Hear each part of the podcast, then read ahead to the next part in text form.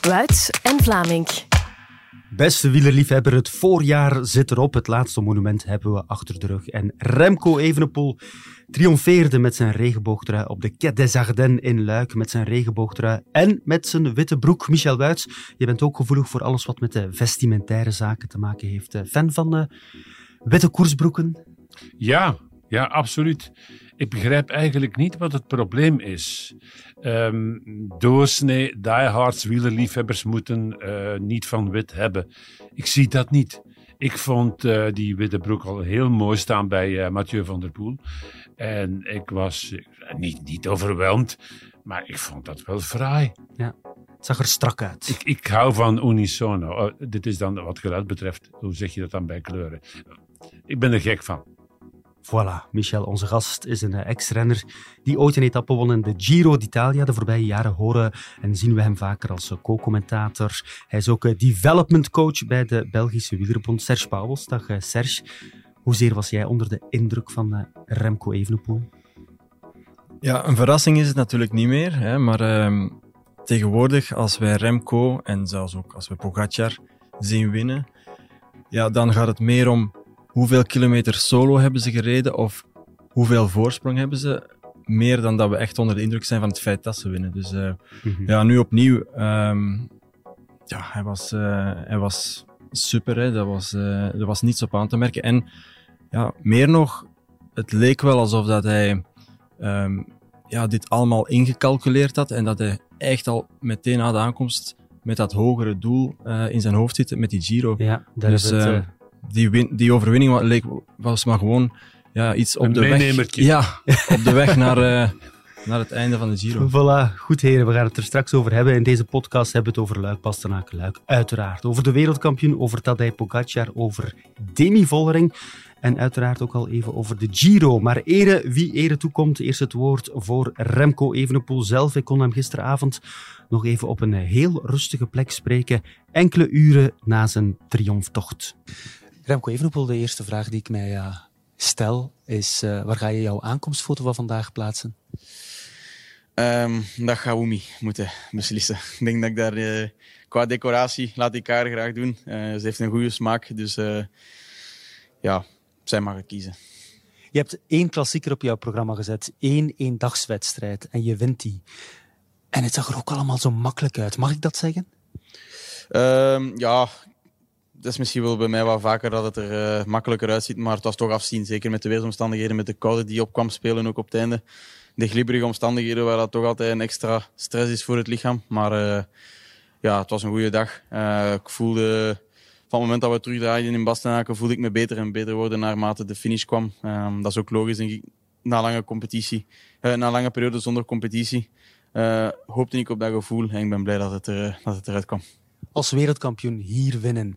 Jij komt in een heel kort lijstje terecht. Hoe fijn is dat? Hoe belangrijk vind je dat?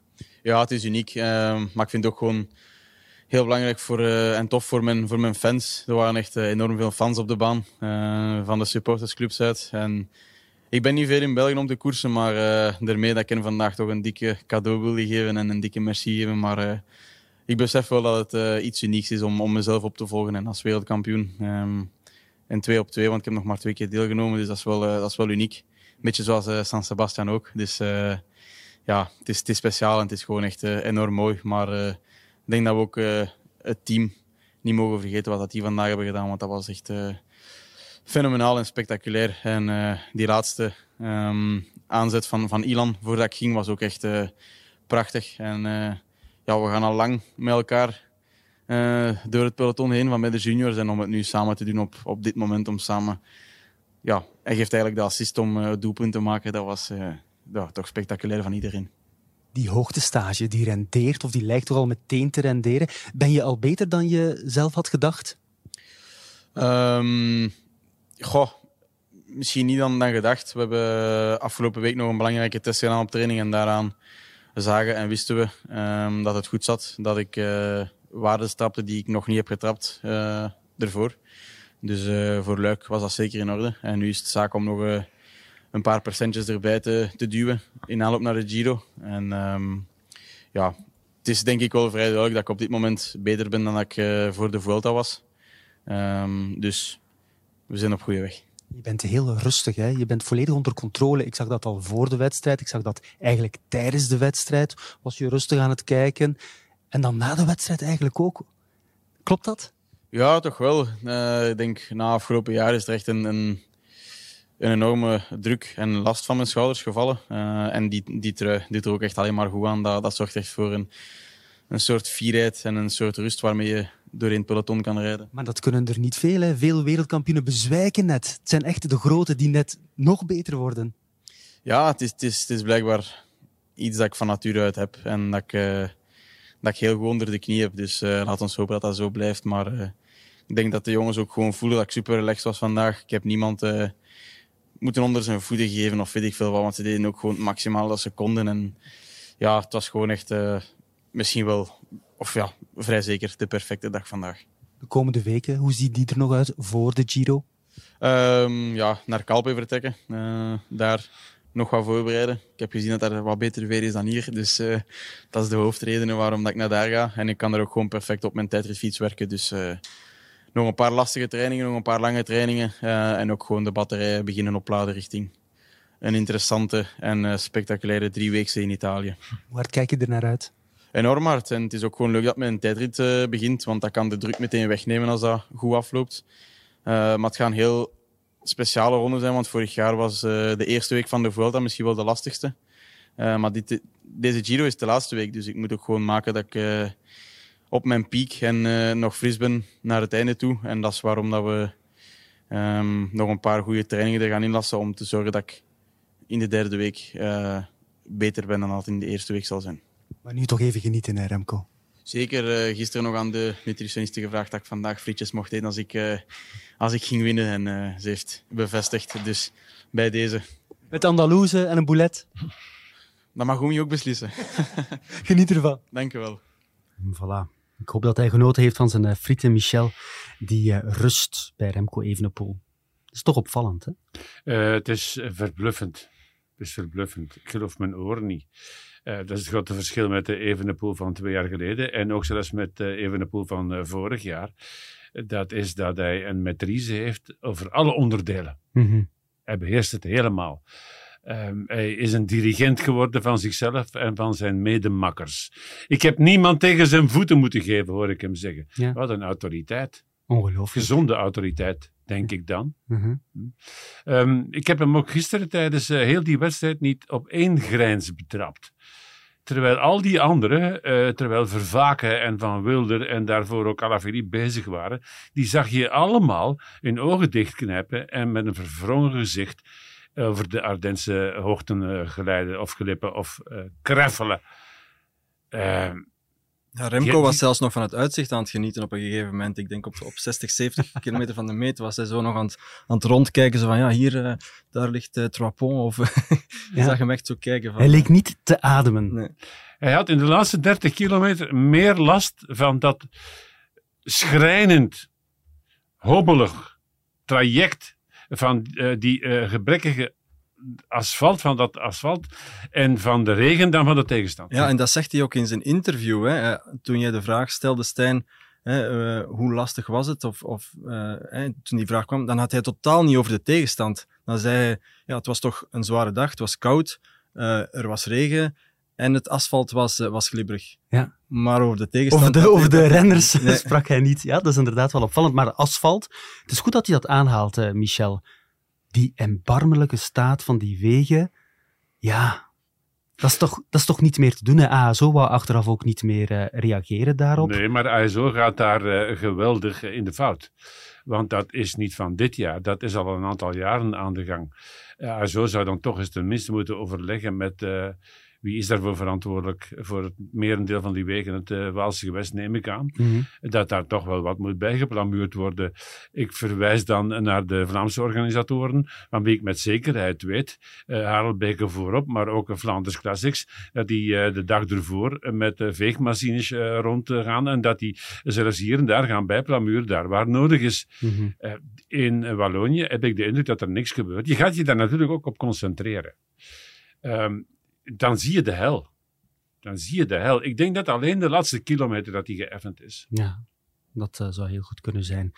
Maar goed, laten we het uh, verder hebben over de sportieve prestatie van Remco Evenepoel. De manier waarop hij Tom Pitcock deed kraken. Hij reed er gewoon simpel van weg, zonder verpinken, baf, weg gedaan. Ja, ik heb me achteraf de vraag gesteld, um, had Pitcock kunnen winnen, um, mocht hij nooit hebben overgenomen van, van Remco? En ik, ik denk dat dat misschien de enige tactiek had kunnen zijn om, om Remco te kloppen, maar dan echt ja, op een onsympathieke manier totaal niet overnemen, nee schudden en, en eigenlijk op die manier proberen om, om Evenepoel ja, ambetant te maken. Hè. Mm. Uh, maar nogmaals, voilà, Remco, sinds die Vuelta dat hij gewonnen heeft, heeft veel meer controle over, over gewoon waar dat hij mee bezig is. Um, en hij is echt niet meer zo, zo gemakkelijk... Uh, Uit zijn loten slaan. Nee, destabiliseren is er niet meer bij. Nee. En hij is natuurlijk ook die... Hij is, hij is een hoge standaard van zijn ploegmaten. Hè. Je, je voelt dat ook. Maar sinds die overwinning in de Vuelta heb je wel gemerkt dat al die andere jongens, die ploegmakkers, wel naar een hoger niveau zijn gekomen. En die, ja, die weten ook wat die beloning kan zijn hè, en hoeveel, um, ja, hoeveel waarde dat kan zijn als hij straks de Giro wint. Dus mm je ziet nu aan een Vervaken, aan een Val Van Wilder, aan heel die ploeg straks, Jan Heert er nog bij. Ja, die gaan ook allemaal, um, die gaan ook allemaal top zijn. Stijgen die echt boven zichzelf uit, omdat ze weten dat ze met zo'n kopman rondrijden? Um, dat moet een fantastisch gevoel zijn als je met de zekerheid rondrijdt. We hebben uh, een uh, quasi-zekere winnaar in onze rangen. En je merkt dat ook aan uh, alles wat er gebeurd is. Het is jaren geleden dat ze slechts met een goede 40 naar de voet van Lara Doet gereden zijn. Ja. Dat is het werk van die monumentale ploeg. Hmm. 80% van het slopingswerk, nee, 90% van het slopingswerk is gedaan door Soudal Quickstep. Ja. Is gedaan door uh, Vervaken en Van Wilder, zij vooral. En degene die daaraan vooraf gingen, waar we dan niet alles van gezien hebben, want de uitzending is vrij laat begonnen. Um, dat is, uh, als je dan nog eens met dat surplus van even de poel daar bovenop kunt uh, komen, ja, dat uh, moet een geweldig gevoel zijn richting Giro. Het zegt ook veel hè, dat iemand als een Maro Schmidt, die ziek is opgestaan, toch per se de koers wou starten uiteindelijk ja, opgegeven. Bajoli had ook eh, slechte benen, mm. uh, gaf dat er al snel aan, heeft dan ook uh, moeten uh, ja, opgeven. Maar die strijdlust binnen die ploeg was eigenlijk echt wel ongelooflijk. Hè? Ja, en ik, ik denk zelfs dat, ehm, dat er maar één renner was die Remco had kunnen volgen, en dat is Van Wilder. Ja. Maar dan had hij natuurlijk in een andere ploeg moeten rijden dan, dan, dan Soudal Quickstep, want hij heeft wel het echte slopingswerk aan die voet van Lara Dut gedaan. Ik heb je tijdens uh, het kijken op de redactie een paar keer gezegd: je zal maar van Wilder zijn. Hè? Met uh, zoveel talent op de wereld gezet en ja. je dan moeten opofferen. Hè? Ja, moeten, dat is een keuze die hij natuurlijk ook zelf maakt. Hè? Want hij zou er ook voor kunnen kiezen om. Uh, nee. Hij is uiteindelijk nog heel jong, hij is van dezelfde generatie als Remco. En mocht Remco er niet zijn, ja, dan waren wij misschien wel allemaal vol lof over Van Wilder als, als onze volgende hoop uh, in het ronde werk. Ja, maar in deze podcast moeten we het af en toe scherp stellen. Het moet niet evident zijn om altijd weer van Wilder te zijn in functie van Evenepoel. Hij moet dat nu doen, zeker ook in de Ronde van Italië. Maar ik hoop dat een jongen met zoveel kwaliteiten, dat hij eerder vroeg dan laat ook eens een kans krijgt. Al is het maar in een wat kortere rittenkoers. Ja, mm. en uh, ik, ik, herinner mij in, in, uh, in, de Ronde van Romandie, ik denk dat het vorig jaar of twee jaar geleden was, ja, dan werd hij vierde in de tijdrit, werd top 10 in de eindstand. Ja, dat is gewoon iemand die dat in zijn mars heeft, hè, want kan heel goed uh, bergop en heeft een, heeft een goede tijdrit. Dus, mm -hmm. uh, ik, ik, ik verwacht eerlijk gezegd dat Van Wilder op een gegeven moment en binnen dit en drie jaar wel op tafel gaat slaan en gaat zeggen van oké, okay, ik wil ook op een gegeven moment kopman worden in, uh, ja. in bepaalde koersen naast Remco. Ofwel kies ik ervoor om, om, om de ploeg te verlaten en elders uh, kopman te worden. Ja, andere managers zijn niet blind. Nee, hij heeft nee. in elk geval heel veel potentieel en heeft hij gisteren nogmaals uh, bewezen. Iemand die uh, misschien ook niet een al te makkelijke koers heeft gehad, omdat hij zich ook heeft moeten inzetten voor Remco Evenepoel, was ja, de tweevoudige wereldkampioen Julian Alaphilippe. heeft toch wel zijn duit in het zakje gedaan op 60 kilometer van de streep. Op de Rosier heeft wel ja, iets teruggedaan hè, voor uh, Evenepoel en voor de ploeg. Ik zag hem uh, na zijn beurt uh, naar achteren schuiven en ik dacht van, mm, hij blijft aanklampen. Die wil over die vorige klim, Want die weet dat er dan een lang stuk afdaling komt en een stuk vlak. En dan gaat hij weer vooraan verschijnen en zijn laatste duit in die grote zak doen. Mhm. Dat heeft hij gedaan. Ja, ja. En dat in volle opoffering voor een man met zoveel allure. Een Fransman nota bene. De meeste Fransen zijn Alexander. Alles voor mij, niks voor een ander. Uh, Alaphilippe niet, hè. Nee, nee, nee. Was, was mooi eigenlijk. Ja. Ehm, naar de Giro toe vind ik het eigenlijk jammer dat Alaphilippe eh, de Tour zal rijden en niet in de Giro zal dat is een Fransman, hè. Ja, maar ik heb met die bedenking ik, eigenlijk ook ik, al Ik begrijp gehad, dat. Maar een goede Alaphilippe ehm doet dat eh, nu 14 dagen bij. Hij is nu weer coming up. Mhm. Die in de Giro. Plus, die heeft ook wel, ja, gewoon door zijn presence daar voorin, die heeft daar wel een meerwaarde. Niet alleen hè, zijn rol als een van die vele ploegmaten, maar met zijn nervositeit heeft hij toch een bepaalde rust in die ploeg. Zo. En, dat is misschien raar uitgedrukt, maar het is wel, een, een- ja, het is wel iemand. Hè. Het is wel een van de patroons in het peloton op dit moment. En het feit dat hij daar ja, in die ploeg navigeert eh, tussen die andere renners, want uiteindelijk ja, de andere, of de knechten van Remco zijn, ja, zijn ja, moet ik zeggen, zijn niet de grootste namen in de zin van het, is, het zijn geen Maika's of het, het zijn niet ja, de, Nee. zoals bij, Bij UAE of, bijvoorbeeld. of Ineos, eh, eh, een, een Thomas die misschien straks in dienst van, van Gegenhard gaat rijden. Maar Alaphilippe heeft, heeft dat natuurlijk wel. Hè, ja. Mhm. Oké. Heren, ik weet het, Patrick Lefevre zal zeggen dat we de overwinning van Evenepoel minimaliseren, omdat we zeggen dat Tadej Pogacar is gevallen. Maar voor alle duidelijkheid, dat is niet zo. Evenepoel was eh, verbluffend sterk, daar is iedereen het over eens. Maar het feit is wel, Pogacar is, eh, is gevallen. Hij liep een handbreuk op, werd gisteren al geopereerd. Serge, kan jij inschatten wat dat met de ploeg rond Evenepoel en Evenepoel zelf deed toen ze hoorden dat Pogacar was eh, weggevallen?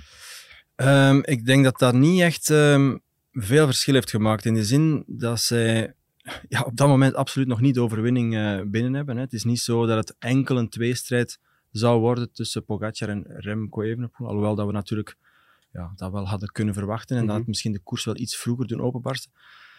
Maar ik denk net het omgekeerde, dat zij misschien wel iets meer de koers hebben moeten dragen, want die geplande aanval van Remco op Laredoute be- ja, betekende nu wel dat zij ook wel tot en met Laredoute eh, ja, de ploeg bij elkaar moesten houden. Of Ja. in elk geval wel moesten zorgen dat hun laatste man tot daar eh, zou geraken. Was En, niet eh, evident. Nee, nee, absoluut niet. Hè, want eh Vervaker heeft daar ook... Iedereen heeft eigenlijk echt wel ehm, allee, heel sterk zijn beurt gedaan. Mhm. En, en dan was het net gepast. Hè. Je, je, je wist ook wel dat die aanval er zou komen, want anders bleef er niemand meer over.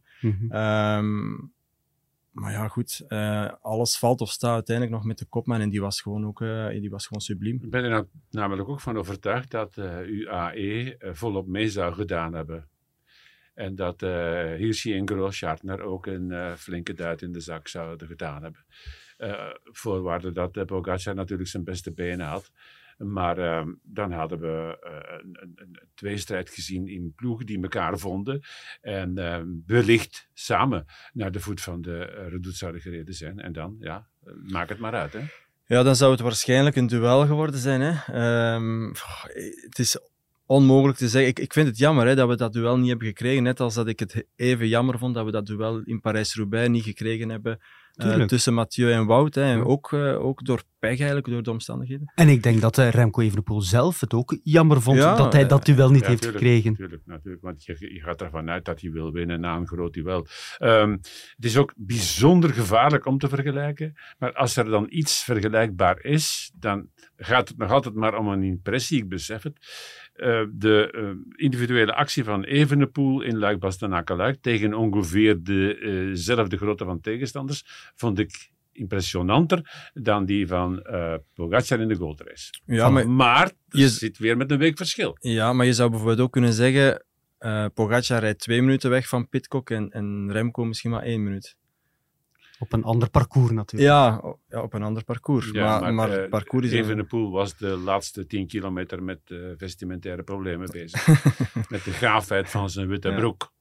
Maar in elk geval, we gaan eh, nooit weten of we een duel zouden gekregen hebben mocht Pogacar niet gevallen zijn. Vallen hoort eh, helaas bij de koers. Hopelijk valt de revalidatie van Pogacar mee en kan hij eh, goed om met die tegenslag mentaal. En iemand die dat hij Pogacar goed kent is Ellen Piper. En ik ga hem gewoon even bellen. Ellen Piper. Dag Ellen, heb jij Tadej Pogacar al gehoord na gisteren? Ja, gisteravond nog een berichtje gestuurd en van de morgen heeft hij een paar foto's gestuurd. Mm -hmm. En uh, nog een berichtje uitgewisseld over uh, de volgende weken en, en hoe dat de, de val van gisteren zal impact hebben over de volgende weken voor hem. Ja, maar hoe gaat het daar in de eerste plaats uh, mee om? Met, met die val en met die plotse ja, rivalidatie die hij voor de boek heeft? Wel, ik weet evenveel als u dat uh, van het internet, want ik ben niet meer bij UAE, dus ik heb geen, uh, geen andere informatie. En, en Tadej ga, ik daar niet vragen erover. Maar hij heeft wel gezegd dat, uh, dat verkenningen had hij niet kunnen doen en ook niet naar de windtunnel.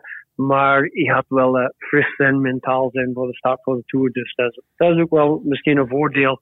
Dat hij, dat hij meer zal moeten rusten in de volgende weken dan rondlopen. Want die heeft al een zeer zwaar voorjaar gehad. En uh, dat moet je toch wel een beetje van herstellen. Ja, dat is inderdaad zo een zwaar en een lang voorjaar. Maar geen windtunnel, geen verkenningen.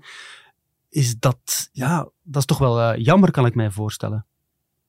Ja, natuurlijk. Dit is, dit is niet, niet de ideaal scenario. Maar ja, wielrennen is nu zo. En, en, en uh, toppers komen, komen dat tegen. kijk naar Bernal, kijk naar Remco Evenepoel van over een paar jaar met een, met een, met een hub. Uh, dus ja, dat zou. En al bij al is dit, is dit misschien uh, niet zo'n zo een impactgevend uh, val gewoon zijn, zijn, zijn pols. Maar natuurlijk, dat ligt wel een beetje gevoelig in hersteltijd, want het is wel een, sleutelpunt voor, u, voor uw steun. Ja, en het is een gecompliceerde breuk, hebben we toch ook kunnen lezen. Hè? Dat is dat is toch ook niet evident, hè? Nee, inderdaad. En, en weet je wat, uh, tijd, zal, tijd zal uitwijzen hoe, hoe, uh, um, wat een impact dat het heeft aan, aan, aan zijn, zijn training en zijn, zijn, uh, zijn opbouw naar de Tour. Ja, die geplande hoogtestage in mei komt te vroeg. Ja, je hebt in het verleden dat hij Pogacar ja, goed en lang begeleid. Um, je hebt uh, zijn eerste toeroverwinning ook meegemaakt. Ja, die hoogtestage die er nu niet zal zijn in mei, ja, wat, wat is de impact daarvan? Oh, ik denk heel weinig. Ja, kijk, als hij nog, nog een paar weken heeft, normaal een rustperiode nu, voordat hij ging op verkenning. Dus nog, nog, nog een drietal weken voordat hij ging op, op, op hoogte gaan. dus dat zie ik eigenlijk geen probleem in. En, en, en tegen den zal hij lichtjes kunnen rijden op de rollen of, of, of zelfs op de weg. Mm uh, dat, dat zal geen impact hebben, maar het is op de, op de, op de verkenning en natuurlijk op hoe hoog is zijn, zijn trainingsniveau. Want je kunt het niet opbouwen overnacht terug naar, tot een hoog niveau. Maar nogmaals, misschien is, dat, is, zal dat uh, een gelukje zijn dat hij misschien start aan de Tour met niet de topconditie dat het zal leiden naar de laatste week dat hij zijn beste conditie daar heeft. En daar heeft hij het wel nodig. Mm -hmm. Goed, wat vond je van uh, Remco Evenepoel gisteren, Ellen Piper? Ja, wel, ik denk, ik denk uh, fenomenaal natuurlijk. Maar, maar het is een beetje jammer tegenwoordig dat, dat die resultaten van, van de jeugd, zoals, zoals uh, Pogacar en Van der Poel en, en, en, en uh, worden een beetje verwacht. Uh, is precies, ze hebben het al gedaan, ze gaan het nog een keer doen. En daar, daar dreigen we zo een beetje de realiteit te verliezen over hoe dat die mannen zijn. Ja, Remco ging gisteren op de helling na de Lauwe doet. Um, en daar was precies weinig antwoord van, van de andere tegenstanders. Um, ja, fenomenaal kan je niet anders dan zeggen. Maar heel jammer dat, dat, dat strijd tussen Pogacar en, eh, en Remco niet, uh, dat we dat niet konden zien. Want ik denk dat iedereen zat dat op te wachten. Inderdaad, dat is zo. Binnenkort is er eh, de Giro, Ellen. Jij weet wat het is om met een renner een grote ronde te winnen. Als je Evenepoel gisteren zag, twee weken voor het begin van de Giro, wat kan je hier dan al van afleiden? Wel, ik zag een interview met hem gisteravond en die zei misschien nog een paar procentjes erbij. dat lijkt mij... Uh, dat lijkt mij een straffe taal, dat je nog procentjes kan bijdoen op de conditie van gisteren. Maar als dat zo is, dan natuurlijk zit hij al is natuurlijk pieken, want zo, zo kan je anders niet rijden zoals gisteren. Maar uh, ja, er is nog vijf weken tot het einde van de Giro. Uh, ja, dat is natuurlijk een, een, lange, een lange piek daar naartoe. Zijn voorjaar is niet zo zwaar geweest, dus ik denk dat hij daar in perfecte positie zit voor, voor de Giro. Ja. Wat moet hij volgens jou nu de komende weken doen? Volgens mij, ja, dat is al. Uh, ik denk dat zijn ploeg heeft genoeg ervaring daar en genoeg ervaren mannen, deskundigen, voor uit te werken wat dat ze moeten doen. Hij is wat dat hij moet zijn, vol vertrouwen en, uh, en goede resultaten achter hem. De ploeg zal nu rust krijgen, want ze hebben een heel goed koers binnen. Naar een volgens hun teleurstellende voorjaar. Dus ik denk dat alles ligt perfect na, na de Giro voor hem. Uh, Ellen, uh, Michel Buits hier. Uh, Ellen, een van zijn karaktertrekken was zijn speelsheid. Hè? Um, is er in de ploeg iemand die zijn onstuimigheid wat afremt, zoals jij dat gedaan hebt destijds? Je, je, je bedoelt tegenover uh, Tadej? Ja. Ik denk het niet, Michel. Ik denk het niet. Ik kan het niet zeggen, want ja, ik ken niet zo de trekken van iedereen zijn karakter, maar ik, ik weet wel zeker dat, dat Tadej luistert naar mij en, en hebben we zelfs nog de laatste weken gehad over, over de koers te laten lopen. En niet altijd te proberen controleren, want dat is, dat is iets dat, dat ik denk dat een beetje de das, hem de das omgeladen vorig jaar in de Tour. Uh, mm. Denken dat je onfeilbaar bent en dan ja, kom je in een positie waar dat je het niet meer kan rechtzetten. En dat, uh, ik weet niet, ik weet niet als er iemand is. André Hopman is, is natuurlijk zijn vertrouwenspersoon, heeft heel veel ervaring. Mm -hmm. um, maar ja, dat, dat, kan ik niet zeggen. Mag hij ook uh, voor en ook vooral in de Tour met jou in contact blijven? Oh, ik, denk, ik denk als vrienden kunnen we wel in contact blijven. En moet, ja. je, moet je, Michel, je weet, je weet ook uh, dat je politiek correct moet blijven. Ik, ik moet niks zeggen die zeker Tadej zal voorwaren. Um, en, en tegen de, de ploegleiding gaan inspreken over iets of hem hmm. zeggen hoe dat hij het moet doen. Dat, dat, dat, dat zou ik zelf niet doen en, en denk ik niet dat Tadej dat verwacht van mij. In de tijd sinds de Tour vorig jaar hebben we heel veel gesproken, hebben we heel veel uh, berichtjes gestuurd waar dat, waar dat hij over na kan denken over hoe dat die koers doet. Dat hij de koers mag laten lopen en uh, ik, ik, denk in de Tour moet ik heel voorzichtig zijn dat ik niet tegen, tegen de, de ploegleiding inspreek. Als hij mij iets vraagt, dan kan ik misschien mijn, mijn mening geven. Maar niet, niet ongevraagd, want dat leidt naar gevaarlijke situaties waar dat, je, dat ik zou iets zeggen en de ploegleiding zou iets anders zeggen. Dus daar, daar ben ik heel van bewust. Oké, dank u Ellen. Dat is uh, heel duidelijk, uh, Ellen. Dank je wel dat we jou even mochten bellen. Oké, okay, bedankt. Fijne dag nog. Dag, dag fijne dag. dag. dag. Goed, heren. Deze tweede overwinning van een monument van eh, Remco Evenepoel, hoe belangrijk is die eigenlijk geweest eh, mentaal? Want ja, ik kan me voorstellen dat je die, die overwinning, die zegen, dat gevoel dat je dat echt wel meeneemt naar, uh, naar Italië.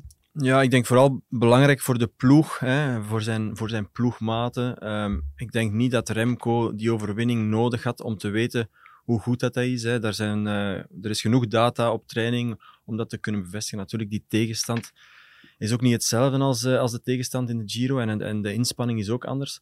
Um, maar het feit dat het allemaal al was ingepland, dat hij hè, de dag na Luik al meteen weer op stage vertrok, zijn vader die al naar Ginder was vertrokken om, om alles in goede banen te leiden. Ja, daaraan kan je merken dat echt zijn vlag staat in, in Milaan. Hè, op de derde, de derde week van, van de Giro. Ik denk dat dat voor hem ja, gewoon... Het is Rome deze keer. ah, is het Rome? Rome klopt, ja. ja, ja. zijn vlag staat in Rome. ja. maar nee, het is wel waar. Wat moet, jij bent de ex-renner. Wat moet hij nu nog doen? Ik vroeg daarnet aan Alan Piper. wat, wat moet hij nu doen? Wel, uh, je hoort hem zelf zeggen, een aantal percentjes erbij. En, en Alan Piper was ook al een beetje kritisch daarover. We horen dat vaak hè, van renners. Ja, ik zit op 98% of op 99%. Maar we gaan niet zo heel vaak achteraf gaan terugkijken naar de renners die dat op dat moment gezegd hebben. Komt daar effectief nog een aantal procent bij. En ik denk dat hij die aantal procent ook niet meer nodig heeft. Ik denk gewoon dat hij consistent moet zijn, dat zijn ploeg sterk moet zijn. Dat hij zijn niveau, als hij dit niveau houdt, dan ja, gaat zelfs Roglic hem niet, denk ik, van de eindzee kunnen houden.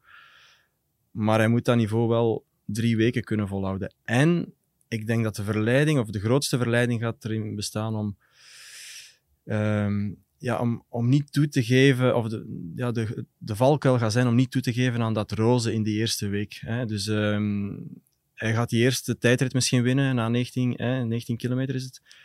Is het slim om die eerste tijdrit te winnen? Ja, het is slim om ze te winnen, maar dan moet hij het roze, of dan zou hij het roze best uh, weggeven, denk ik. Um, dan komt er nog een tijdrit hè, van, uh, van 35 kilometer in, in dat eerste luik. Uh, na dag 9 of zo, denk ik. Ja, Ze mogen de koers nog niet dragen in de eerste nee, week. Nee, dat nee, is eigenlijk de opdracht ja. voor Quickstep. Ik Inderdaad. heb hier een goede drie weken geleden al gezegd, het zou een zegen zijn mocht Ghana toch die openingstijdrit winnen laat Ineos dan maar die eerste dagen dragen. Want uh, stel dat uh, Remco Evenepoel die openingstijdrit wint en die dan wil afstaan.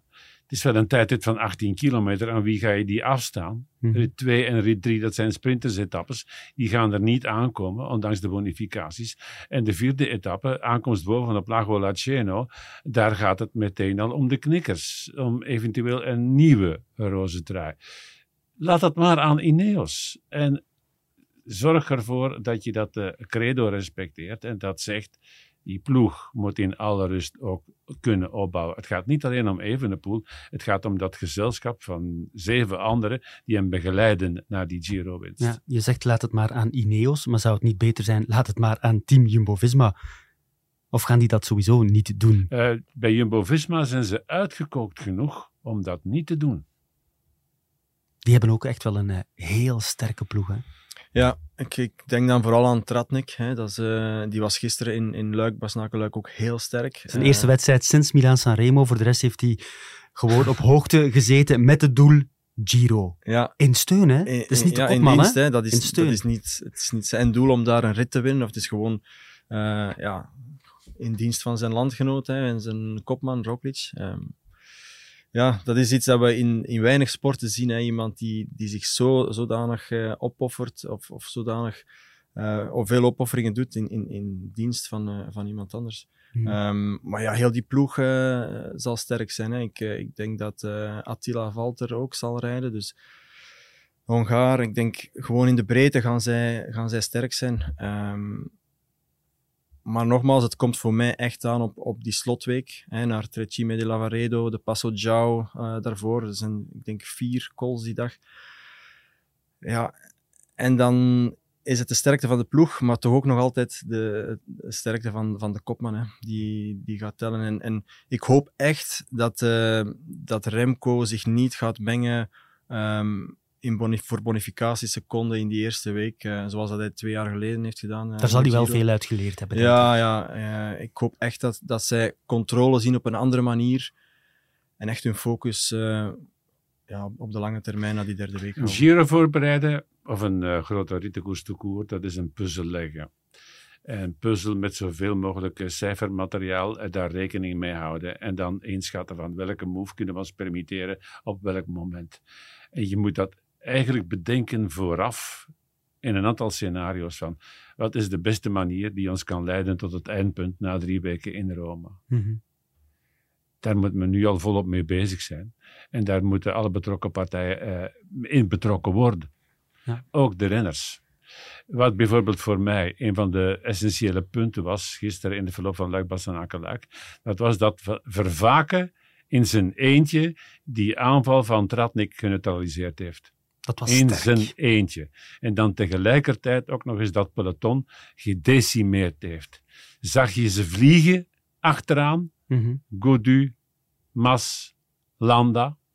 En dan moest uh, Ilan van Wilder nog komen, hè?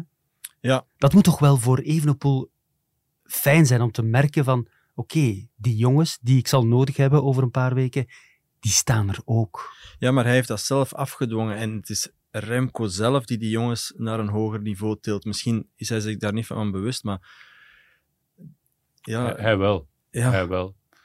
Hij wel. Um, naast het feit, dat hij een enorme uitstraling heeft op de fiets en een enorm machtsvertoon gisteren ook weer neergelegd heeft, is er iets wat we vaak over het uh, hoofd zien. Het belangrijkste gebeurt op die uh, hoogtestages, op die trainingskampen. De workload die een Evenepoel op zich wil laden als maniak is gigantisch. Hmm. En dat zien die ploegleiders, uh, die ploegmaats ook elke dag potverdekken, hoe is dat in godsnaam mogelijk dat hij daar nu ook nog eens aan begint? Mhm. En dat had hij al als voetballer als kind. Ik ga dat nu nog eens uh, niet, niet in, in detail uitleggen, maar dat, dat gaat nooit weg. Het is dat maniacale. Dat, dat, dat is hem... gewoon zo. Dat is detailistisch tot in het kleinste hoekje. En daar kijken de anderen met verbazing naartoe. En dat willen nabootsen, hè, dat is nefast. Want een, als een ander dat probeert, die ligt een week in een ziekbed in Chacamaca. Maar niet Remco Evenepoel en dat maakt hem een groot kampioen. Goed, laten we toch even hebben ook over uh, de vrouwenkoers.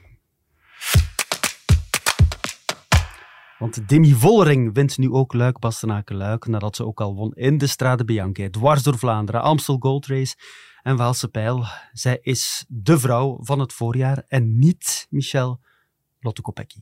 Ja, wat hebben we eh, snel onze mening moeten herzien. Hè? Vorige week had ik ook al een uh, akelig gevoel. Toen volgens mij in de Amsterdam Gold Race Kopecky de betere was. Dat zag je vooral op de Kouberg. Kan zijn dat de Vollering daar met opzet een beetje ruimte liet. Maar volgens mij was dat gewoon datgene wat je daar zag was realiteit. Kopecky was net iets beter. En dan moet Kopecky achteraf met de uh, verklaring komen van ja, het was zo afgesproken. Het was aan Vollering vandaag. Lotte, doe dat niet meer. Doe dat niet meer. Uh, Vollering had nog die Waalse pijl. Vermits Van Vleuten nu wat minder is. Gisteren was ze wel beter. Uh, was het dan Vollering om de Waalse pijl en Luik Bastenaken te winnen. En dan krijg je onevenwicht. Mm. In uh, een strijd tussen twee vrouwen binnen dezelfde ploeg die elkaar waard zijn. Ja, maar het is natuurlijk, het is gemakkelijk gezegd, uh, doe dat niet, Lotte, maar ja, je rijdt wel voor een team, je rijdt in een team. En ik denk effectief wel dat het waar was dat, dat, het, ja, dat er in de cold race was afgesproken dat, dat het eigenlijk uh, Vollering haar beurt was. Hè. Um, en, en dat Lotte eigenlijk wel beter kon. Uh, want als zij had gewild, had zij op de Kouberg kunnen wegrijden. Um, maar ja, het is enigszins jammer hè, dat soort uh, afspraken eigenlijk gemaakt worden. Ja, het is natuurlijk een luxe positie dat je dat soort afspraken kan maken. Hè, dat je eigenlijk mhm. kunt kiezen wie dat er wie dat er gaat winnen. Um, maar ja, ik, ik zit ook wel een beetje met dat uh, wrange gevoel zo van... Um... Hoe zou Lotte hiermee omgaan? Oh, uh, maar die was druk hè. Die is in uh, Canada een selectie gaan afdwingen voor de Olympische Spelen op de piste. Ploegkoers geworden, ploegkoers gewonnen. gewonnen ja. met Jari Bossuit. Dan heb je niet veel tijd om je zorgen te maken over een tweestrijd onderling binnen de ploeg. Dat is dan weer voor uh, het volgende wegsegment. Ja, maar wat moet ze meenemen naar volgend jaar, naar volgend voorjaar? Um, dat ze um, zelfvertrouwen uh, moet aankweken. Dat heeft ze eigenlijk al. Dat is dit jaar enorm uh, gewonnen of aan bijgewonnen. Um, en dat ze dat ook mag etaleren dat ze nog mondiger mag zijn binnen de ploeg en dat ze zich niet moet laten overdonderen door een zinnetje zoals naar de Strade Bianche van Voldering van nou Lotte, dat hadden we fijner moeten oplossen. Hmm. Niet doen. Wat zou jij uh, Lotte aanraden? Wel, um, ook dat ze beter communiceert. Um, zoals bijvoorbeeld uh, in die Strade Bianche op het moment dat ze eigenlijk um, wacht op Vollering, zeg maar ja, dan moet zij duidelijk zijn. Dan moet zij, zoals Museo destijds in, in Parijs-Roubaix, ook echt als, als leider of leidster um, op tafel staan en zeggen: Oké, ik wil jou meenemen, Demi, maar dan is het wel ik die win vandaag.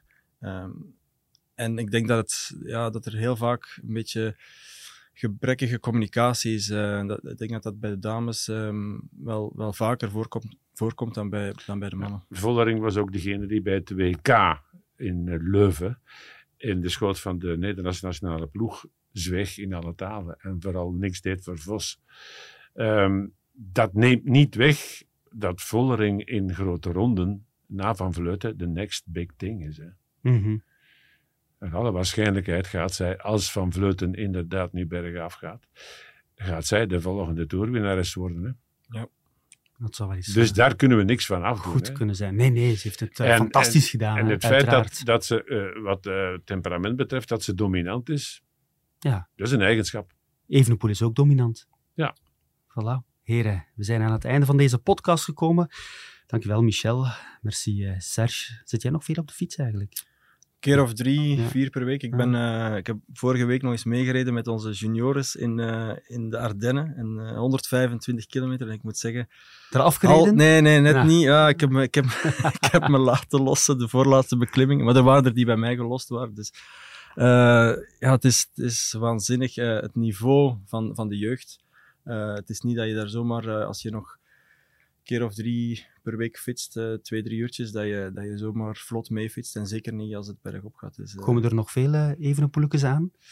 Wel, wij, uh, wij hebben er een aantal ja, getest opnieuw. En, en elk jaar zijn er die, zelfs dit jaar, die de tijd van, van Wilder, bijvoorbeeld in de Ardennen, eigenlijk verbeterd hebben. Um, we hebben vorig jaar twee juniores gehad die sneller reden op een test van 9 kilometer op Ballon d'Alsace dan Remco Evenepoel destijds. Dus het zegt niet alles, maar het zegt wel veel natuurlijk. Dus um, ja, je moet niet alleen een aantal minuten heel snel kunnen fietsen en veel vermogen kunnen duwen. Hè. Als, je, als je naar dat hoofd kijkt van Remco, dat is zeker zo sterk als de, als de fysieke cilinder. Mm um, maar um, ja, er zijn wel zeker jongens die, die in de buurt komen van, uh, van het niveau van Remco en, en Ilan destijds. Als het op vermogen aankwam, alleen op vermogen, dan verpletterde Ghana alles. Dat doet hij soms ook wel, hè? In zijn domein. In zijn domein, dat is waar. Maar het is wel fijn om te horen dat er nog wel wat aankomt in de toekomst. Dank om hier te zijn, Serge. Dank ook om te luisteren. En goed nieuws, het is niet omdat het voorjaar erop zit dat wij er ook mee stoppen. Volgende week zijn we er gewoon opnieuw. Tot dan. Wuits en Vlaming.